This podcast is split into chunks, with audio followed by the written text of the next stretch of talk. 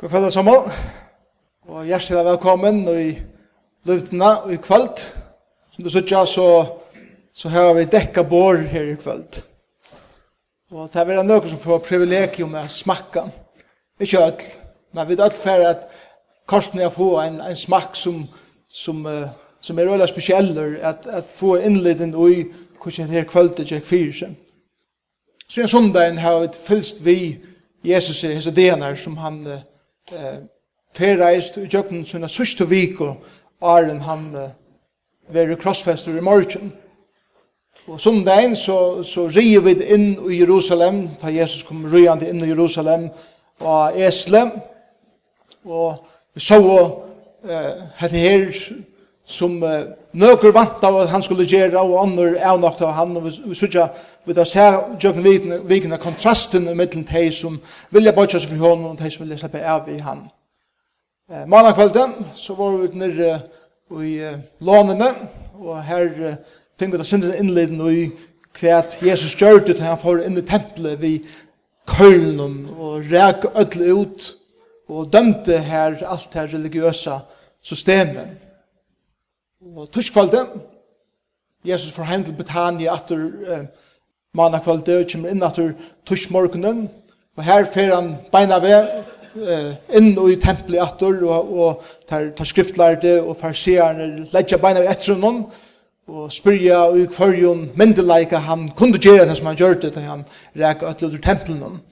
Og tørskdavren var en ølja, som, som vi minnast, tørskvalde var en ølja, opptidsen daver, og i og Jesus er løyve. Han er nok er gjøre at han der en fullt av luknesun og prædikon og træton og så videre. Mega kvalde, altså Josh kvalde, så, så heie hade vi eh, en hulaing om tandeien i Jesu løyve, som ikke var så opptidsen som hinn deaner. Han kom kanskje en gang inn til Jerusalem, mye deien, men var kanskje mest i Britannia, og her var han salvavur, her var en kvinne som breit alabasters krukkena og salva igjen. profetisk gjør han klar han til gjerrafyrna. Og vi minnast at Johannes sier okna Judas, han helt slett ikke være godt at sånne ikke penger skulle være spilt borster til å salva Jesus vi i stedet for å gjøre det til det fatuk, men Johannes sier okna at dette sier Judas bare til at han vil ha pengene sjølver. han var en tjover. Takk kvalitet. og hatt kvalitet, altså mye kvalitet, ta hei Judas finnes nok. Og han fer til høvespressanar, og han eh, sier at jeg vil feien djeva Jesus opp i tikkara hendur. Men det som er viktig for okkon er til at kjalt om vit vita til så visste lærersvenner som fylltes vi honom slett ikkje til. Det var det største alet av mannen. Så mykje største alet han var han som sæda pengakassan.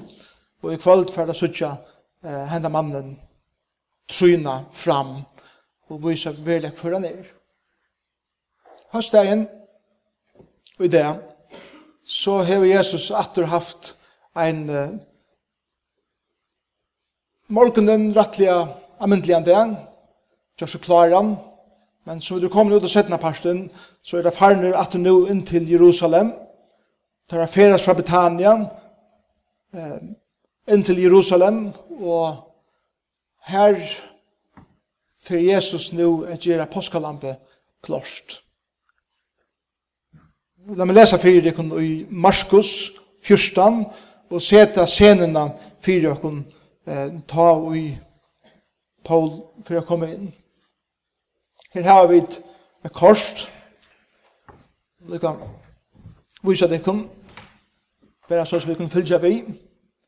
Eh, Betania er her beint Og ta ligger og an i fjallarige, så fyrir du nyr en del, så kommer du på oljefjallet, som atter er på en fjallet, og så kommer du nyer i Ketrandelen atter, så opp atter eh, her som tempelet er. Så det er en, en god turer.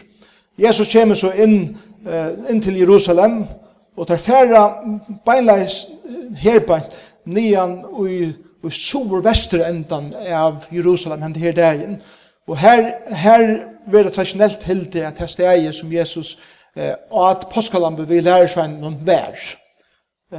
Helt her oppe i hjørnen, slått ikke Herodes vær her alene, nær vi, og eisende huset til Kefas, som var høvsprester, ta. Tar alt det her Jack Fierce oppe i her som bor personen, og så sjå han det genga der og sett ned om han og i Gethsemane, som er vi foten av oljefjallen. Så, så det er sindre erfaring inni i byen, at her kvölden. Så la meg lese fyrir dere i, i Marskos, kapittel 14, og vers 11. Det setur sena fyrir dere som hendte nu, at her høstkvölden. Fyrsta dagen i høgtøyne, altså det er davern i det. Nu, nu byrja i høgtøyne virliga. Og folk har streima til Jerusalem tjukna alla vikina. Nu byrja en fotler folk Så røptes, røptes hinn og sulka ved breiene, altså høgtøyne, altså påskhøgtøyne ta ut her drå på påskalampe, så det var drip i høstdagen. Ta så til lærer han sa vi han, hver vil du at vi skulle fære at gjøre det her til reier, at det er påskalampe. Ta sier han, ta sendi han tveir av lærersvann sunna sted, og sier vi tar, fer inn i stegen, altså fer inn i Jerusalem, møl er det ankerstander eh, og oljefjallen han tar så skal mævor og i ber vatnkrukko møta tekkum, færri at han av hånden. Det er samme som at han har møtt hvis mannen også han hever tempelet, og tar farra at han av honom nian her i hentan bojaparsten, og fylst etter honom her. Her som han fyrir inn, skulle tid sia vi husbandan, mastaren sier, hver er herbergjum ut, her er, kan eda påskalambe vi lærersvann i munnen, så skal han vise til kun ståran sel, gjør den i stand, og til reier at halda måltid ui. Her skulle gjøre okkom til til. Lærersvannar foreta av sted, og komme inn i stegen, altså Jerusalem, og funnet det så, som han har sagt heimon, så gjør det her påskalampe til. Ta i så kvölde vær komme, kom han vi hinnom tølv. Hette er påskalampe som var, var dripe, og hette er det som tar eta at her kvalitet. og jeg pette av en, en gåen tjekkve så ikke ligger av båren her bænt, til at, at njóte av eisene. Hvis vi tidsja at næste myndene her bænt, hette er det stedet som uh, traditionellt vil hilde at Jesus og at påskalammet vil lære svennen. Ikke akkurat det her rommet, men en kyrkja er bygd av steg her som eh, tar sot og åte påskalammet. Oppe i her bojarparten vi, vi sover vester endan av Jerusalem. Og det er sånn en kyrkja rast herbeint. Så la ser det ut, og i det tar det er tar det tønt inne herbeint. Og det er den kjenta mynden av da Jesus sitter i etter kvöldmåltidene sammen vi lærersvennen synen. Så vi, vi er sånn her i hoa, og så det som det ser ut i det, her i herbergen som Jesus åt, så får vi nå at uh, jeg sutja hva det var som hendte høstkvöldet som lærersvennen nå har gjort påskolam til reier, og Jesus kommer vidt heimen inn i heter herbergen, og teir um, gjør seg klarar til hese sørste år Jesus er, åren ting byrjar henta som var planlagt at heim som yngste at drepa han. Så Jesus og lærersvanner vær velkomne. Til det var skjøttene føtter, det var skundet at jeg må rettelig kjøtt inn med mitt. Det vi hatt det. Så la oss um, byrja Jesus kvaldmåltøyna vi sunn lærersveinen. Og det ser kanskje ikke ut av sånn ekvun tjokken som genga vanlig skån, var rettelig reine føtter, som i prøver lukter rettelig vel. Um, men det må også om dette var miestre, gingi sandalo, nek dust, nek svette. Og er det her at um, Vaska føtene. Det var det arbeid som tænaren i husen skulle gjøre. Tænaren i husen skulle gjøre som ingen annar eh, som tei, som våre nækka og vilde nækka høyde ångan hod til. Hette ikkje tæ starve som folk finner stora viring för. Men hetta det laksta, det nyaste, det minsta du kunde gjøre. Og hette så alla spyrir Jesus så kvöld så kjem Peter til han. Herre, vaskade du mer fødsene? Ja. Ja. Jeg aldri alle æver skal du vaska meg føds. Hvis jeg ikke vaske deg føttene, det som jeg gjør, skil du ikke nå.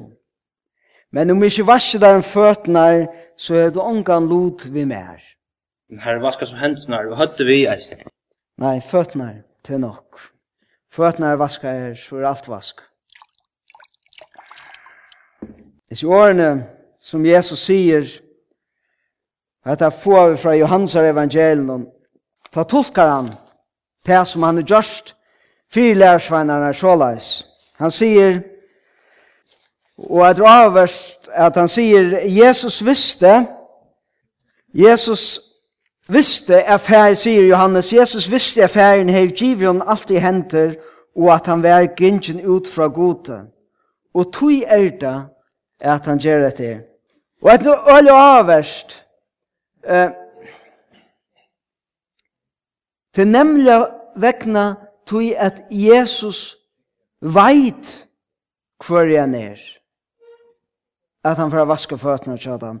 Nemlig tog at han veit at han kommer fra færen som er i himmelen, så teker han hetta loksta plosset som han i høver kunne teka.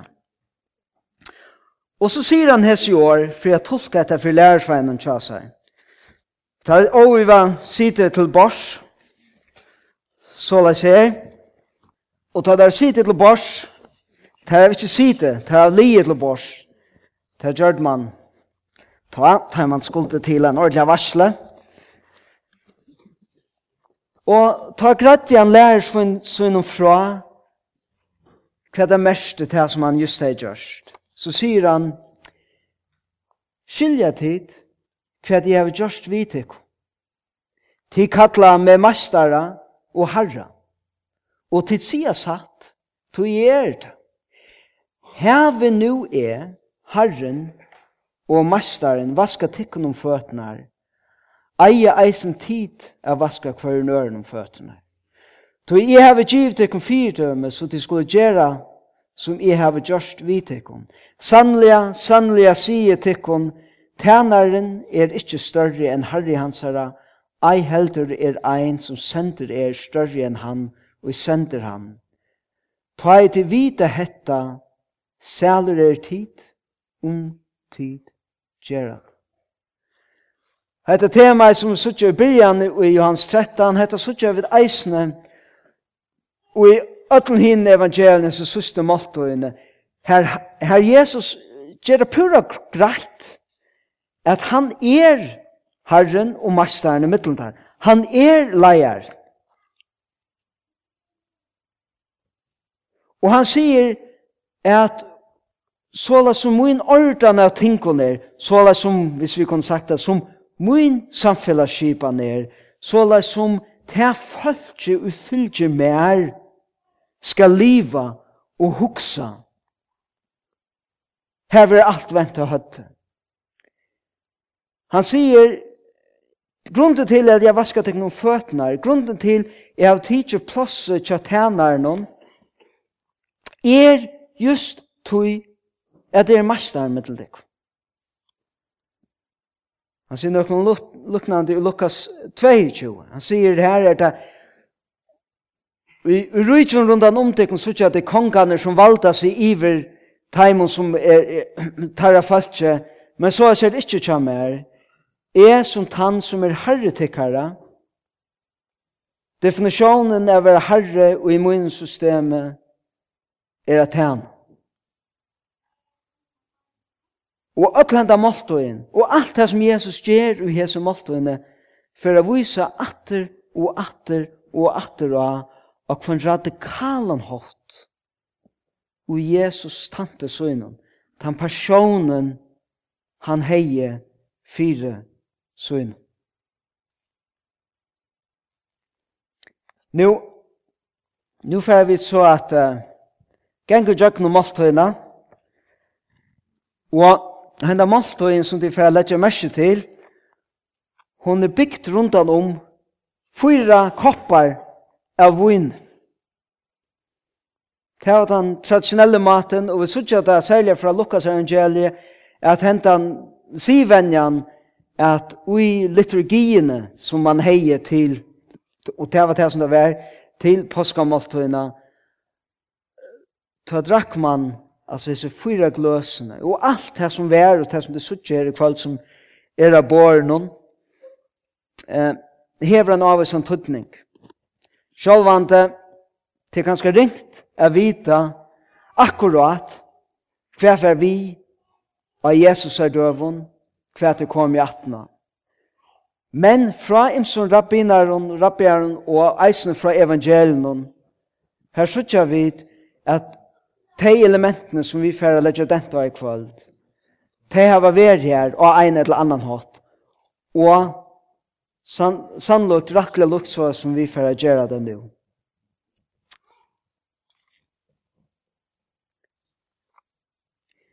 Så det første parsteren er måltøyne. Vi som fører er det så, Jesus er at han signar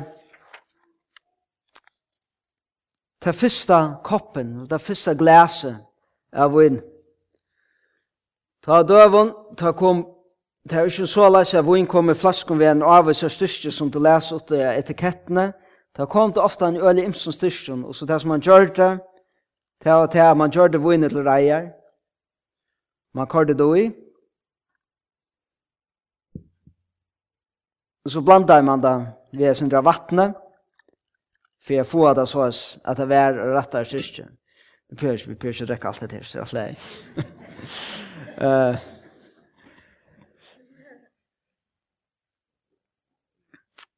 Og jeg som første kopperen kan nevna, hette er, hette er ikke sikkert at hette er for helt atter til Jesu tøye, men gos som tøyene lie, så hever, så hever hese gløsene vi tenkt er at fyra gjerun som god gjer i ære Mosebok 6, 6 til 6. Her er den første kopperen, jeg får bare si at alle hva det er alle i. Den første kopperen var røpt i Kiddush, Det er var sikna, eller heila heilagjering, og ta det var tenkt det at det som var versen og i er Mosebok, uh, så er det hes her årene vi huksa hver om. Er i Herren, og jeg skal fria til kun undan træla om til Egypten. Anna kopperen, som vi færre at gjøre kvaran om han har løte, han er at makott, og det er minnas plavenar, og det årene i, i er Mosbok 6, som det hugsa i om ta, vær, her ser frelsa tikkun ur trela banden undan heimen. Så as der fyrste bare koppene hukte akkurat som atterett. Hvordan uh, god, fært god bjerga i sønnen falskje fra.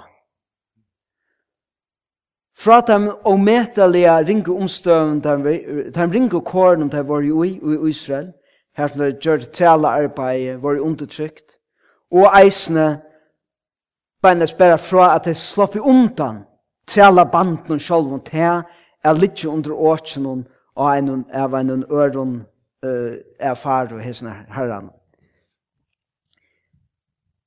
Tre kopperen og fjore kopperen, der hittar så frametne fra kvært og i god bjerga i sunne falskje fra og hva han bjerget det til. Den tredje koppen var røtter Hegula, bjergjengjen, her sier han så, at løysa tikkun ut vi utratten arme og stårun refsedome. Det som Herren gjør er, han bjergar dem og utrur Egyptalandet vi sunnar, og hessen her tri korpen legg dent og hessen store meina, den størska armen som god hever og styrste søgnet, derfor er det venda atter til om en løte eh, bjerga falskesøynen ut ur Egyptalanta, og tek det til søyn, og kvui fjore kopperen som er røtter Hallel, a prysa, tog han skal gjera teg, jeg skal sier herren, jeg skal teka tikkun til falkmutt, og jeg skal vera god tikkara, til skol sanna, at er herren god tikkara, som frier tikkun undan træla arbeidnum til Egypt. Ok, hatt var så akkurat som bare vi er vise koppen, akkurat som brett iver, kvært dette kvölde snus i om fire jøder av Jesu døv. Ta i som målt henne byrja, og Jesus hev sitt her, så er han sagt, vi lærer sveinene tjasar, så er han sagt, um, okkurst mølja såleis, Og i kvöld er vi samla i at halda og minnas post. Hvordan god bjerga i falskesøynum ur tjala bonden Egypta. Han sagt okkur sår, men det som vi vita at han eisen sier fra Lukas, og som hever rattlig ovanta, det er at han legger hese årene træt på en av veien, tulja og i paskamaltene. Mer er vi hjertelig langst etter at eta hetta påska lampe vi tikkun arne luje.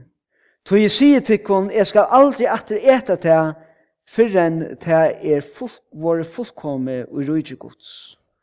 Så måltøyen som Jesus, sista måltøyen han hei vil lære svein søyen, hon var mest fra byrjan av, ikkje bare av her som han på imsa måter, atlaten han vil vise dem og av, at han som tarra mastare er definerer til å være mastare på en helt annan måte enn heimer rundt om han, til å være tænar.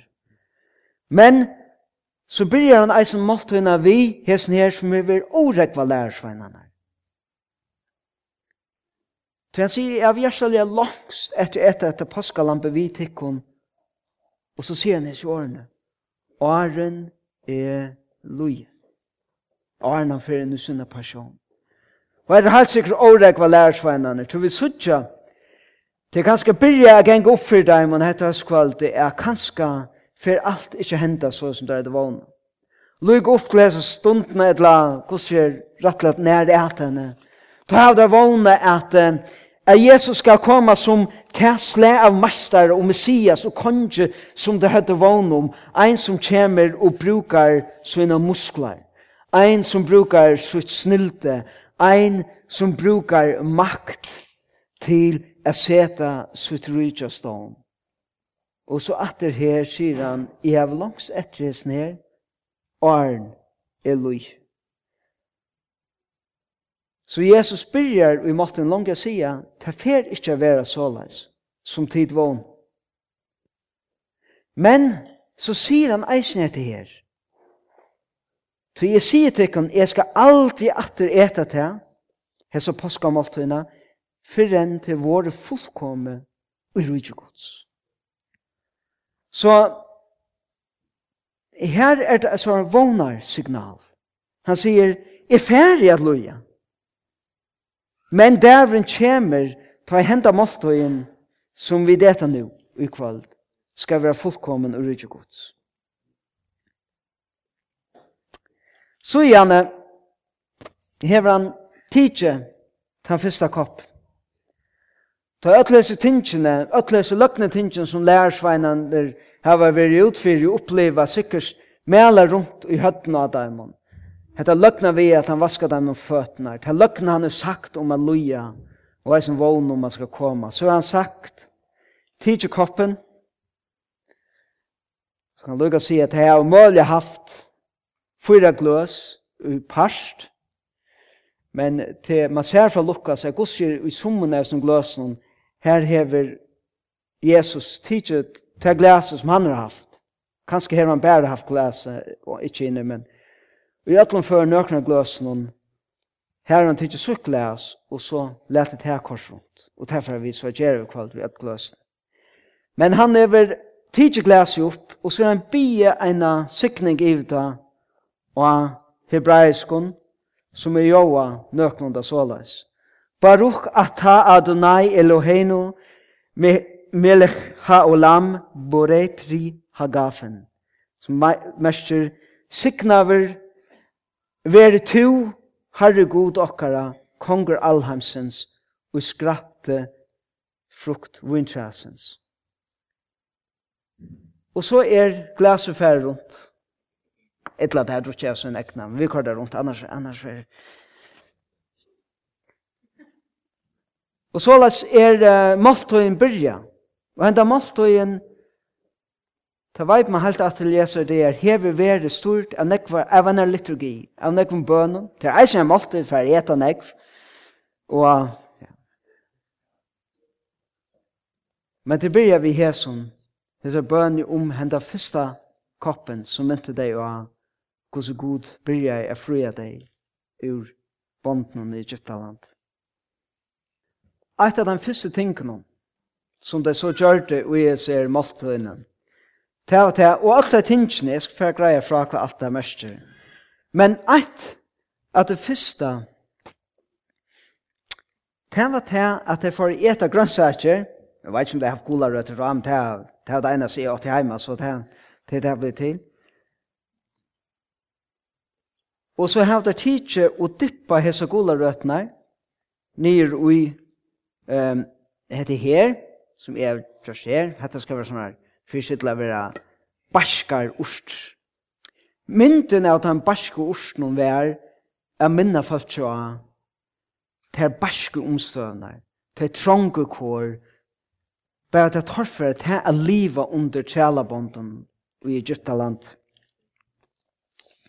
Og så har han sagt en luknande bøn som heter her, her han hever bie og sykna hese orstunar, og han har sagt, Baruch ata Adonai Eloheinu melech haolam borei pri ha Adama. Sykna og veri tu, og Herre god okkara, konger allheimsens, og gjøver grøye fra hjørne. Og så har det byrja eta, så Ah, ja. Mm. Så får vi faktisk en dra her.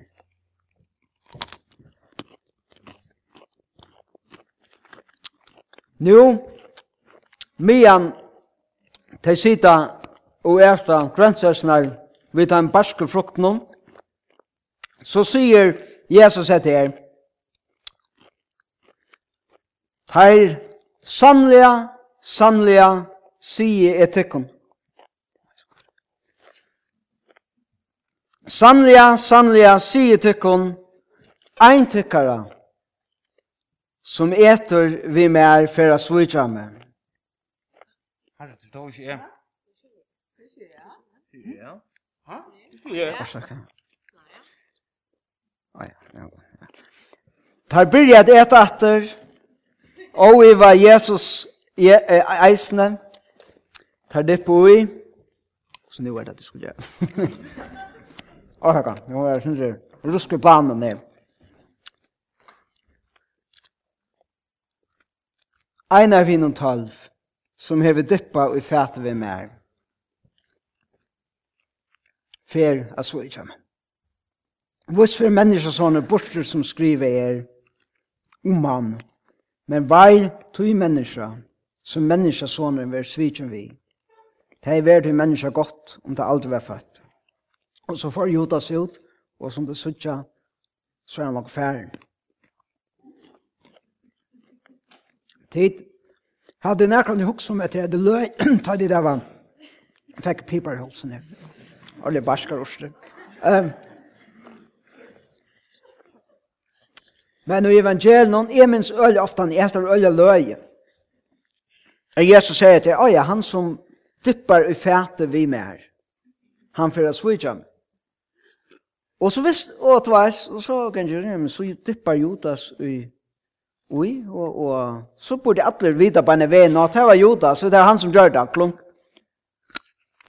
På er, tar av alle dippa i fært. Tar av alle dippa i fært. Ikke bare Judas. Så tar tar har gengir rundt sagt, er det, er det er? Hadde jeg ikke sikker, hva er det, hva er det, hva er det som fyrir gjør det?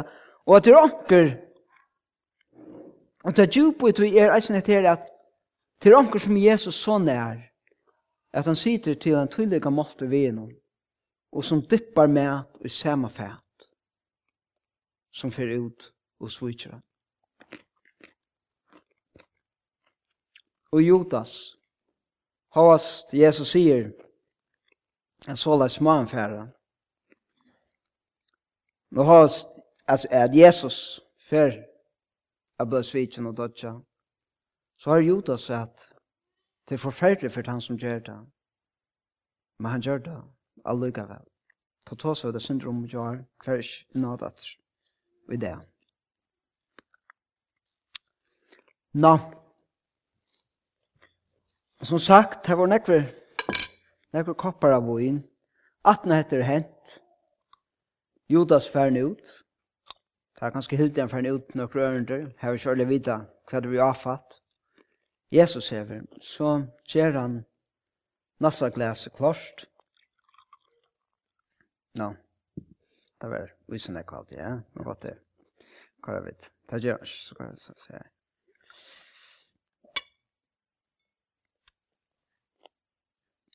Og som sier Jan, etter nasta glese, etter mynt i eisene, jødene da, etter hvordan god kom inn ut her træla bond. Og her som parstren er kvöldmåltøyene var røtter magget. Og om et baden var til stier, det var det så, og vi vil ikke ta Jesus, hei sønne søste måltøy, vi sønne lærer seg noen, så heit jeg battene spurt nærkere spurninger. Men til møvlet, til halda som at til jeg lykka at hvis ikke batten var, så var det onker annar, så vidt imen okkon er Johannes spyr spurningane. Og han hei spurt, så hesa spurningar. Fyre hetta kvöld, Arvisen, enn at ommer kvöld. Ommer kvöld, etter vi bæg surka, Øsvika brei, fyre etter vi bæg Øsvika brei kvöld, Onnur kvöld eta vi negg imska urster, tui eta vi bæra barska urster kvöld. Og møvliga hever han eisenspår, så hetta veit man svar til dem. Onnur kvöld eta vi bæra stokk og kauka kjøtt, tui eta vi bæra stokk kjøtt i kvöld. Atna hese spurningane som batne, og sjåan det hei onkel Lars batne spurningane, etla som skulle svære, svære som spurningane, var spurter tui at han skulle djeva eh, tog som stod fire måltøyene mølagan er fortelje søvna om hvordan god bjerga i falskesøynen i Israel. Og det skriftbrottet som, som alt var lysi er hetta. Og det er ur ja, ur 5. målsbok 6, 20 til 25. Ta i sånner tøyen, og i framtøyene spyr til. Hvordan er det vi vittnesbordene, fyrskipene og bovene og i Herren god okkar hever givet i tikkum? Skal du svære sine tøyene? Vi var træler tja Farao og i Egyptalandet, men Herren ledde okkon vi sterskar i hånd ut av Egyptaland. Herren gjør det stor og øyende tetsjen og under Egyptaland vi fara og alt hos hans herre, bare for egen okkara. Men okkon ledde han ut igjen til å føre okkon inn i landet som han vi eie hei lova fetron okkara og djev okkon til. Herren og alle i okkon at halda atlar hesar lover at øttast herren god okkara så okkom kunde gengas vel atlar dier og han kunde halda okkom av luive såleis som eisne hier til hever ver. Det skal roknast okkom til rattvise ta vid akta vel etter at halda ötlese bo fyrir Arsjan Herrans godsokkara såleis som han hever alagt okkom. Så er det vel møvlig eisen lise hese versene ur Eremosbok 12, etla flere vers her, Men mulig i middelen hese, vers 60, 20. Ta i ta bøtten, tykkar jeg spyrja tykkum. Hva hever henda godstjeneste at tuja? Som ditt halda, så skulle det sværa, hetta er påskaoffer for herranon, som i Egyptalandet leip hus og Israels mann om. Han slå Egyptar, men sparte hus okkara. Da bøkte falskje seg og tilbæn. Og så tolka jeg han som ledde kvölde hese versene fyrir taimon som sa til bors. Og han fortalte søvna om, fyrst om hvordan følge var blivet fjölment i Egyptalandet, hvordan enda under trælabånden, hvordan faro undertrykte deg, og hvordan neina om Moses, og hvordan han var fødder. Ja, fyrst sa han det er sin om at fara rundt i halda folkatalner ved å drepe drangjabøttene. Og så søvn om Moses. Og så om hvordan uh, hvordan god høyrer neia råp Israels folks og sender Moses. Og om og om hesa konfliktene henta strui middel Moses og Aaron og herrasøyene faro og hansar folka hinar, om plavenar, og så om ta store plavna om hos Israels menn, Israels folk blei bjerga, ta det var innanfor dora stavene her som blåi av offerlampen var smorst på. Ein rabbi ui fra hese tøyne, rabbi Gamaliel, han sier såleis, ta han røyne at djeva falskje eh, instrukser om gosse skulle firhalda seg ta det fortelje hese søvna.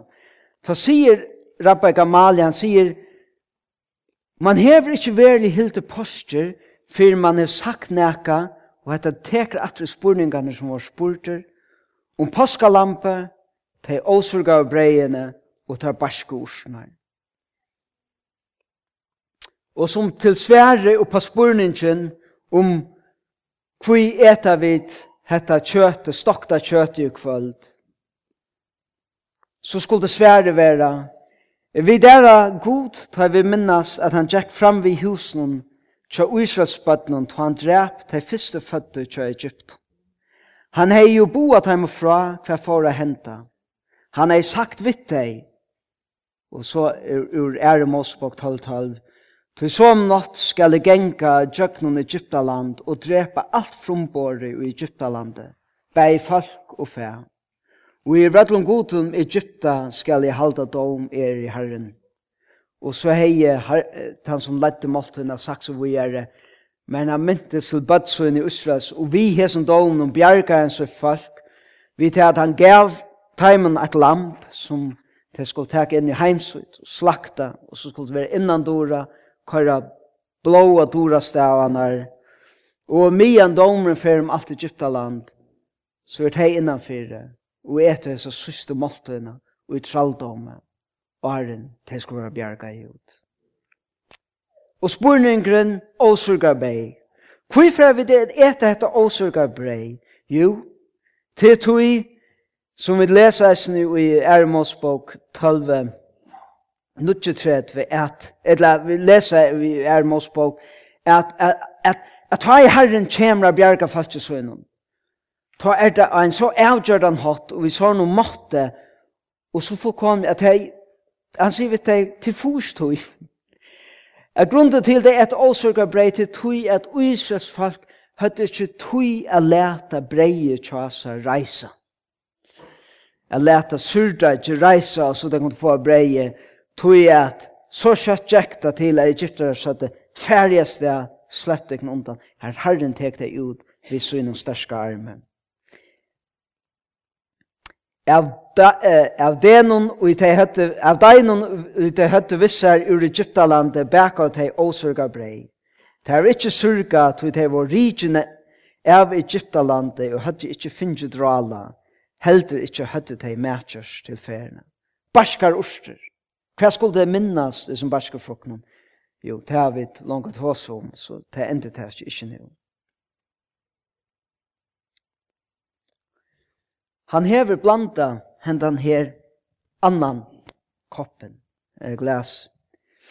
Og her, som de fleste hadde gjørsta, hever han gjørsta sam.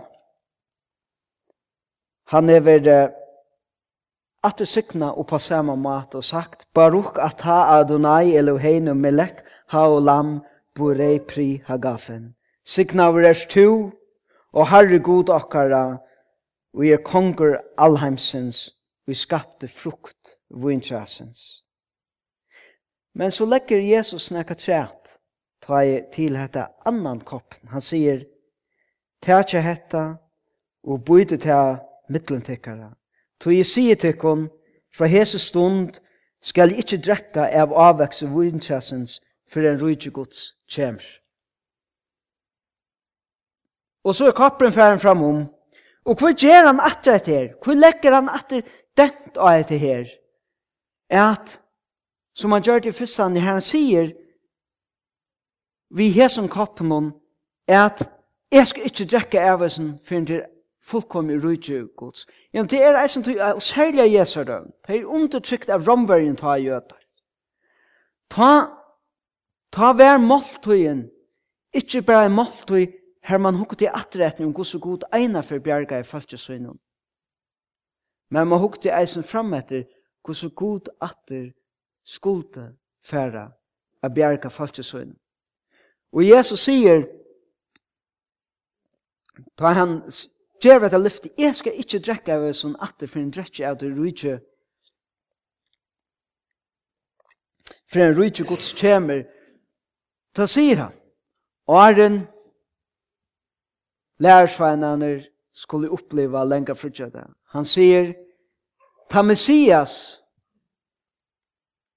som jeg har vust med å være hese dene i Jerusalem, jeg er han, jeg er han, og skal bjerga falskjumunnen. Jeg er et han som er Guds miel såleis at dævren kan opprenna ta i henda måltøyen er fullfutja og rujtje Guds. Og han legger dent av det einar fra tvært. Og sier lyga mykje kvært så kjem dævren. Ta i henda måltøyen er fullfutja og rujtje Guds.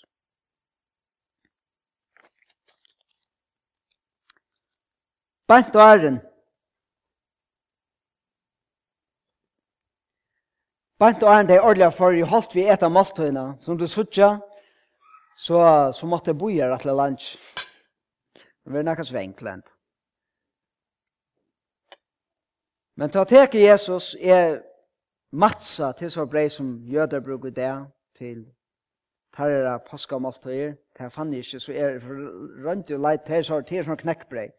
Så jeg rønte jeg leiter med en knekkebrei som ikke surdager og i, og hette av det som er fan. Uh, det så hos ikke pakkene der var nekka, så vi vågner at.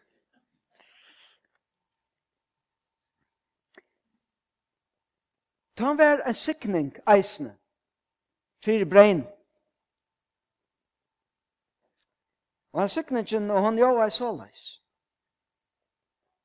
Baruch ata Adonai Eloheinu melech ha olam asher Kitcha nu be mitzvetav, vet svi va nu a helot matza. Signavur veri tu, og herre god okkara kongur alheimsens, og i hever halga okkon vi boi tuinun, og hever boi okkon at eta hetta åsurga brei. Han så hadde etet det, men lærersveinaren kommer her kvall, han får ikke eta det ordentlig enn, Så her ger Jesus nekka to ta ova. Som lærersvane ikkje hadde iverhøver kunne umynda seg. Han ber seg sikningene Ta leian hese årene at tre. Hette er lika mot som vil give fyrir tikkum gjør Gjeri hetta til minne med. Og som brei for rundt, så får jeg gjøre det samme, og bråda brei og gjøre det til lærersveinerne her opp. Og det som Herren gjør det her, det er det han byrjar nekka halsørste, som men, det er for å eta måltvinna, for å hula i syndrom, eh, er at han byrjar at skriva seg inn i påskasøvna sjálf. Helle breie som mynte deg av hvordan kjøtt vi god hei bjerga dem i Israel. Ber Jesus ei identifisera seg vitt. Han vet at la finnes den det, og så bare kanskje hoksa om det her med å teka av oss nere. Jeg sier sikningen ene fra treet. Signa ver tu og Herre god okkara, kongur allheimsins. Vi hever halka okkom vi boi tøynun og hever boi okkom at eta hetta åsøka brei. Så sier han, hetta liga mot som vi giver for tikkun.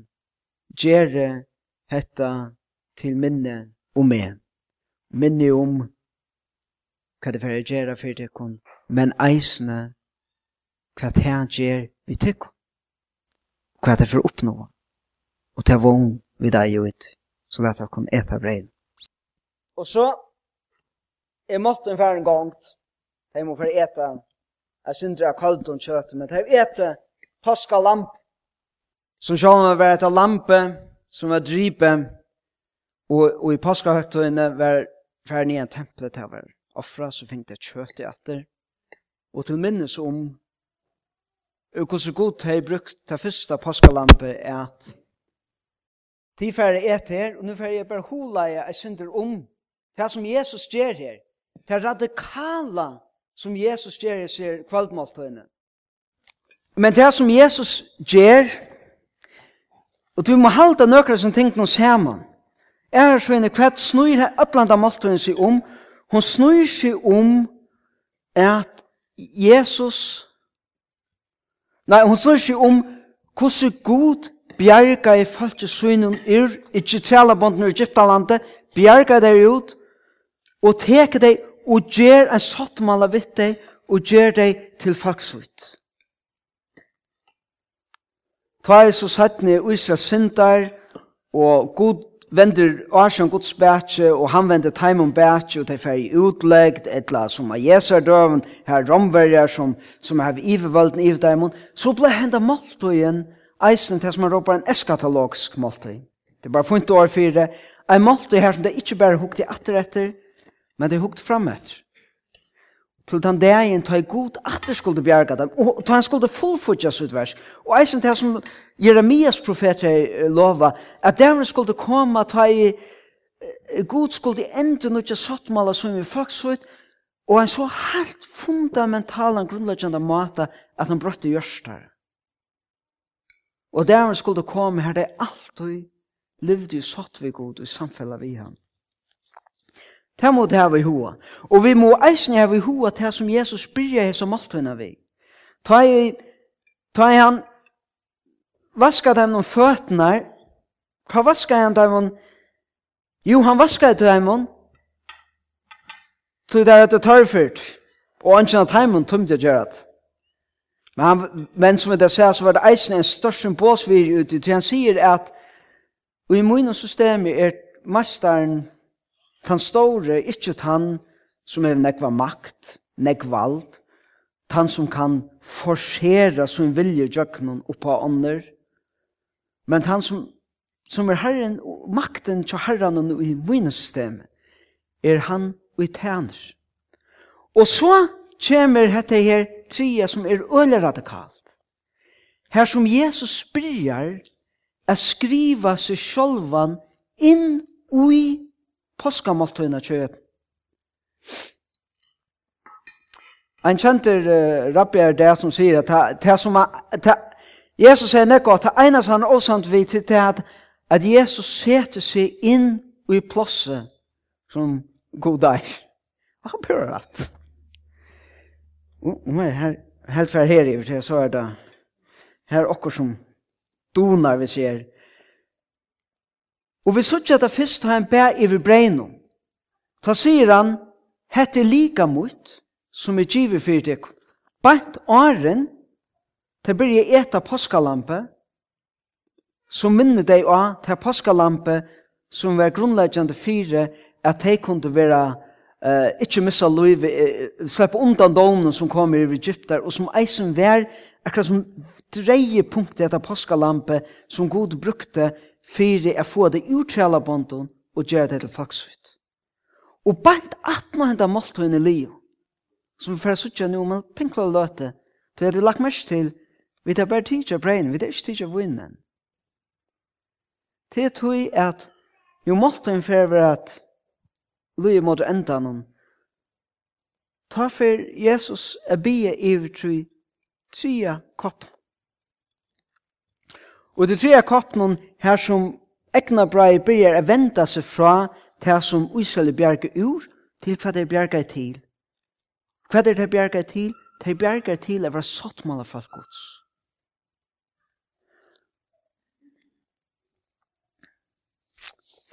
Og her er det at når Jesus har sykna koppen, at han så sier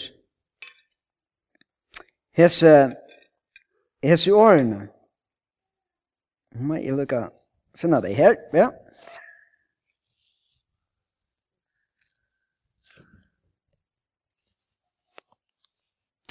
Her som han legger det til at, at man sikna koppen, hesen kærlekren, er hin nutje sattmalen i blåe munn, som ver uthelt for tikkun. Så gjør det, hese kappan er mynte deg av, det som god er gjørs for det, det som Jesus gjør, til han sier, eh, nå skriver jeg meg selv inn i som måltøyene. Breie signaren og han sier, er breie som er gjør for tikkun, koppen atna, heter kopperen, han er uimynden av blåa mun skal flåta uttikken kvui, hetta skal, som skal stærfesta kvært en lukkjan sottmal. Det som jeg sier er, vi tog som for henda og i morgen, forteller jeg deg om langt nå, at det som det er,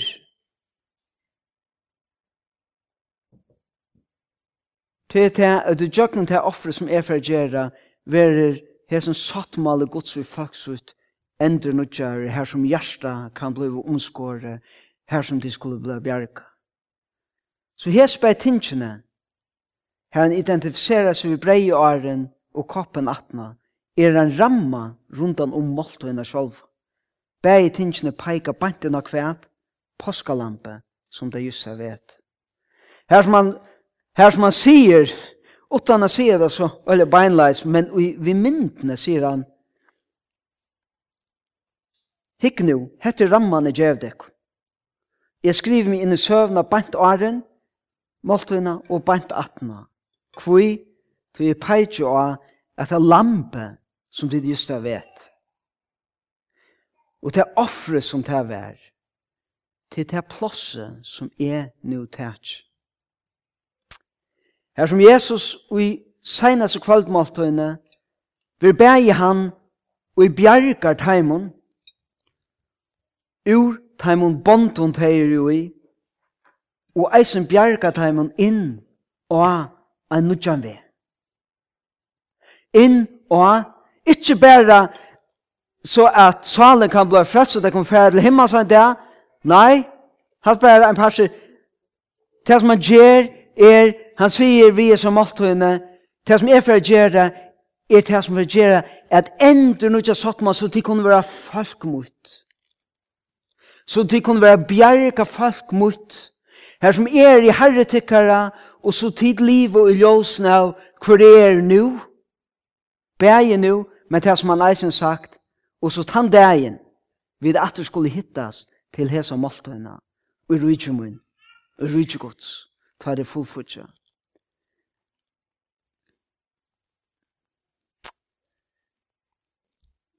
til Egypten. Og det som Jesus gjør i påska måltøyen. Og til er en naturlig person.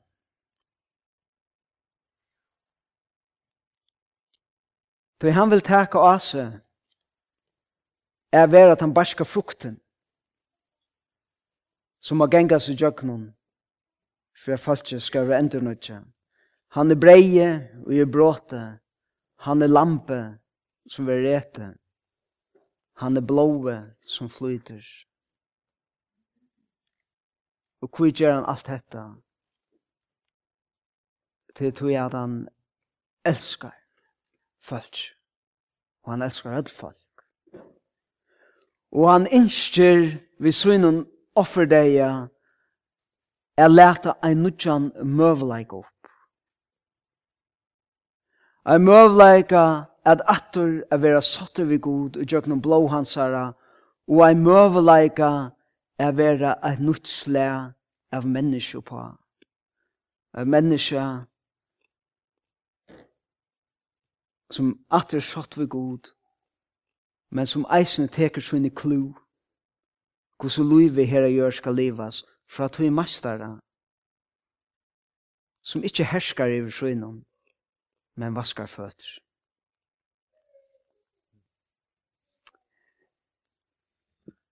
Så det der blir atter, så er Jesus gjørst største sammen atter, han er tidset ham tre koppen. Han er kors vinn jo i. Han er gjørst han til reie.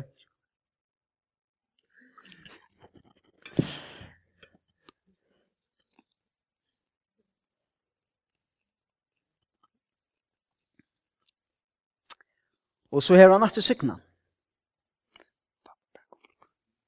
Og nå, til at nå har alltid det der å kjenne, kunne råkne ut hos vi for å gjøre, nå får jeg se sikningene som Jesus sier, og årene som han sier, så får jeg bare rundt, til jeg bare en koppe av, så må bare samle alle så lille koppene opp av trattene, eh, og boje, og så drekker vi det alt sammen. Så jeg har alltid jeg det, tar bare køyre, glasen opp. Tid, her er det som tar vi komme sånne morgen, sammen og minnast, Hette er, hette byrjanen, hette tuttningren. Og medan hette er fyrir rundt, så lær meg lukka bare nevna hette er, takk at ui det som byrja vi, det som Jesus sier, vi tar ui, ui byrjanen, ui Johans evangelium, ta ui tid vita hetta. Hva så? Sæler er tid om tid gjerra det. Måltøyen vi vana at det som vi har gjort her kvalt og rønt av vust så snøkunda gos det gynnsje fyrir seg hadde kvalt i åren Jesus forut av krossen. Vana at det er gos vi tru ting til vi givet en større innlid i. En større mynd av hva det er vi minnast. Og hva det er som er en sørste kan hatt nær til okkon, ta vi teka av breinen og vinun. Men ikkje berre ta, men eisne minnast, at minnene skulle dreie okkom fram etter og i vogn om at det som Jesus spyrja i her, og det som Jesus, og han veveren, det første kristne var røpt de som var i ven. Kvoi, tog de var avenen tja Jesus, de var i tog avenen som han var byrjar vi lærersveinen og søgnen av gjør, og til slæ av livet som han levde, og til som han levde etter, og det som han innskjer, er suttje okkom. Og vånen er at og tryggven er at han veveren, han fører bant til fullfutjan av hese altøyne. Hins systa det. Men av tog er vi bæg minnast og vi vågna, og nemlig av tog er vi minnast og vågna henda Jesus, så er det tre ting som er helt og tydelig tydninga mig. Og det er dette at han sier, nu hava tid sæta, sæl er tid om til gjerra det. Okra trygg hever lúte vire, hvis det bare tankar og neka vi skriver under på, til en vever, til et liv, og til et liv som er mynde av hver og Jesus værer, fyrir okk, som tante og som gav seg sjálvan. Så vi halte i ötla finnst det nu. Så nu leser jeg sikningene, og så teka vi av oss og koppen. Og i glede, jeg minnes om hva han har gjort for jokken. Men eisen i bøn om at hver i han vær skal enderspeklast i livet okkar.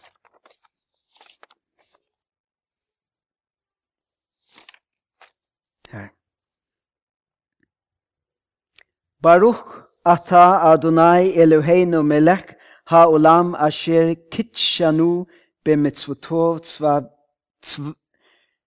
vetzvi vanu ahalat matna. Varsågod, att det var för kärst. Det är så gott. Det skulle det haft sett mer upp bättre. Kan här.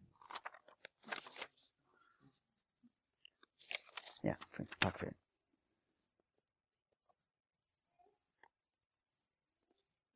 Ja, her, her oppe, ja. Så hans. Baruch ata Adonai Eloheinu melek haolam borei pri hagafen. Signa ver tu og Herre god, konger Alhamsens, og skapte frukt vintrasens. Hesen kærleks. Er i nudje sattmalen, og i blåe munnen, som er uthelt fire tykko. La dem drekka et. Nassan kom til endan av maltøyne nu. Det er bare ein, det er til å drekka et glas av vinatræt. Men let mig bare enda så vi at jeg i og etter tre ting. Som tar vi atter fra sånne det, at han sånne det minnast. Så minnast vi uh, hver han vær, hva du ser er kjent i han, og mest av ødlån hva han gjør det for i okken, ta han gav seg sjølvan, så vi kunne hava et nytt liv. Og da vi kommer til disse måltøyene, Så hittar vi i vogn fram etter til hon skal være fullfutja og i rydde gods. Men eisne og metla tøtninga mykje. Så boar måltøyen og krever av okkon at vi har som løyvnum som vi liva mittel nu vi tar vi vet måltøyna og til vi skulle etana fullfutja og rydde gods at ta halga vid okkon til ve Kristus. Tan som vaska i føtter, tan og i um, elska i tei, og ongen annar elska i, tan og i gav taimum vogn, og i ånder søtte åtte onga vogn, tog det vore så godleis. Tan og i vente ötluna høtt, hetta luive, og herren innskjer, skal lyse tjøkken okk. Og så hent, og meira det henter, så ver det ein, som ein amerikansk return sier, det er ein kolvelting som er oimotstandelig. Irresistible. Hvis vi velja få egen oppfyre hvordan radikaler Jesu er karlager og hva han krever av oss, så fører dere helt nødja leier, men eisen i store glede. Og den siste kopperen,